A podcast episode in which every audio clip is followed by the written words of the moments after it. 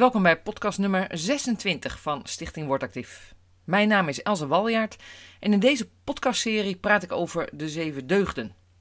De serie heet Het Gevonden Samen en is ook opgenomen als video, vlog en via beeld terug te vinden op YouTube onder Woord Actief.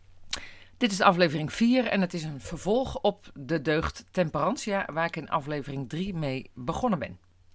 Even een korte samenvatting van de vorige aflevering.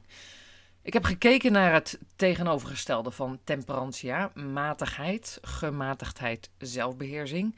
En het tegenovergestelde was eigenlijk de hoofdzonde, gula, waar deze psychiater het ook over heeft als het gaat over de teneergang in ons land.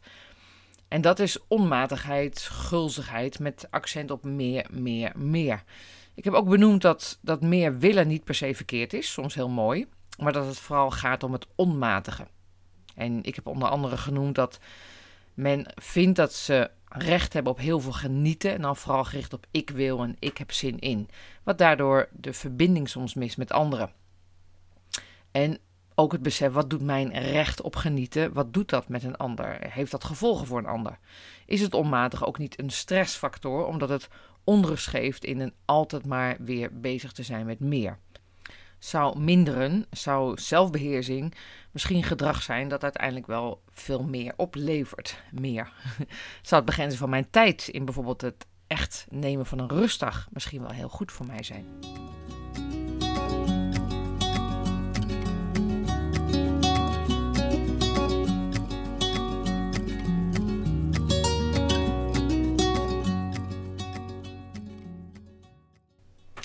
Het is best leuk om met deze thema's bezig te zijn. Het levert ook interessante gesprekken op met anderen. Zo benoemde laatst iemand dat het praten over deugden bij haar oproept dat het eigenlijk gaat over een soort van braaf zijn. En hoe irritant als christenen daarmee aankomen zetten. Met andere woorden, als je het gaat hebben over bijvoorbeeld niet stelen, dan ben je weer zo'n typische christen die braaf wil zijn. Maar ook bij de christen zelf kan dat iets oproepen van: oh, moeten we weer aan van alles voldoen? En als je dan nu gaat praten over matigen, dan, dan zei die persoon, ja, dat voelt ook weer als een eis aan mij als christen. Ik moet weer ergens aan voldoen, ik moet braaf zijn. En dan moet je wel het tegenovergestelde noemen, want dan klopt het meer. Nou, is best interessant. Bestaat geven alleen in relatie tot stelen? Bestaat rust alleen in relatie tot drukte? Bestaat licht alleen in relatie tot donker? Het krijgt wel meer gewicht. Het krijgt meer duidelijkheid door het tegenovergestelde te benoemen. En eigenlijk heb ik dat natuurlijk ook zelf in de vorige aflevering gedaan. Ik ben bezig gegaan met het tegenovergestelde, de onmatigheid. In een perfecte relatie met God zouden we helemaal niet bezig zijn met niet mogen stelen, maar zouden we heel graag vooral bezig zijn met geven. De Bijbel die, die spreekt er ook over dat de regels er eigenlijk zijn voor de momenten dat we niet doen wat God zegt. Dat we ons niet houden aan wat Hij bedacht heeft en bedoeld heeft.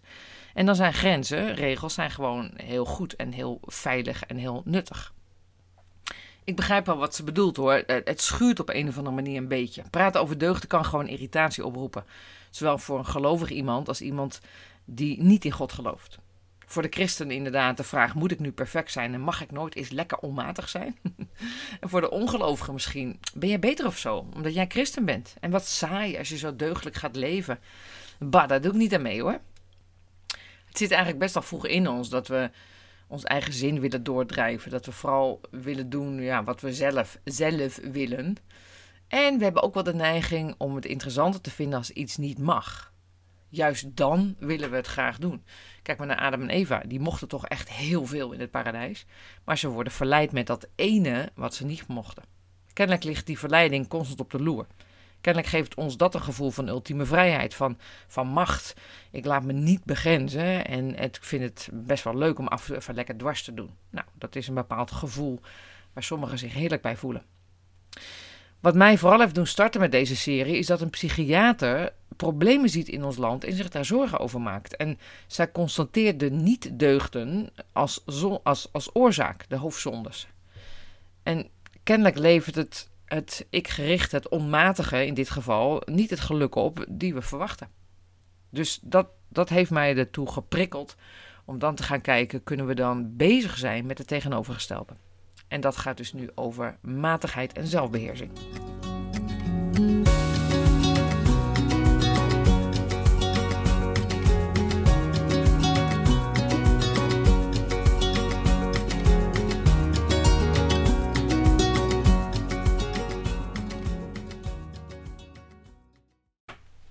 De kreet temperantia, oftewel zelfbeheersing, matigheid, daar heb ik een definitie van gevonden. En dat zegt: zelfbeheersing is dat je controle over jezelf hebt, dat je de regie houdt, dat je je niet onbezuist laat leiden door jouw emoties en gevoelens, dat je je driften in toom houdt.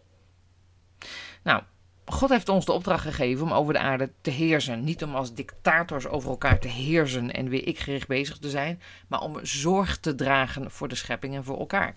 Dat is een verantwoordelijkheid, waarbij ik heb ervaren dat ik daarvoor de Heilige Geest heel hard nodig heb. Ik heb een hele mooie tekst in de Bijbel gevonden over zelfbeheersing. Die staat in 2 Petrus 1, vers 6. Daar staat: Door God goed te kennen, zullen jullie groeien in zelfbeheersing. Door te groeien in zelfbeheersing, zullen jullie groeien in geduld. En door te groeien in geduld, zullen jullie groeien in ontzag voor God. Ik vond het wel leuk hè, dat zelfbeheersing voorafgaat aan geduld. Dus, dus als je jezelf weet te temperen in, in bepaalde frustratie, dat dat heel knap is. En dat je daardoorheen ook weer dan leert om geduldiger te zijn. Dat vond ik een interessante volgorde. Maar wat hier vooral opvalt, is dat de zin begint met door God goed te kennen. Ik geloof dat daar echt wel een sleutel in ligt. God goed leren kennen. Daar ligt een relatie aan ten grondslag. Dat is gebaseerd op liefde. En op het feit of ik dat ook echt wil. Wil ik hem beter leren kennen? En wil ik daardoor me dus ook laten leiden? En ja, als ik kijk naar mezelf, dan vertrouw ik hem erop door de jaren heen dat hij het echt beter weet. Er staat nog zo'n mooie tekst in Galaten 5, vers 22. Dat is op zich een bekende tekst. Ik lees hem uit de basisbijbel. In, in andere vertaling gaat het over de vrucht van de geest. En er staat: Door de geest, door de Heilige Geest, ontstaan liefde, blijdschap, vrede, geduld, vriendelijkheid, goedheid, geloof, hulpvaardigheid en zelfbeheersing. Dit wordt ook wel de vrucht van de geest genoemd.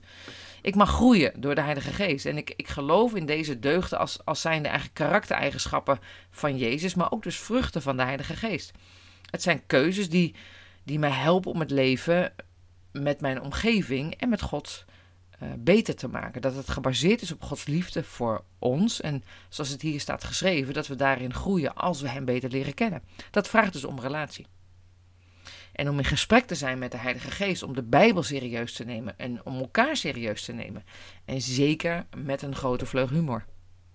Ontspannen optrekken met God, dat betekent voor mij leven vanuit genade. Beseffen dat ik mijn best mag doen en Hij mij niet afmeet aan een hoeveelheid goede daden, maar dat Hij kijkt naar mijn hart.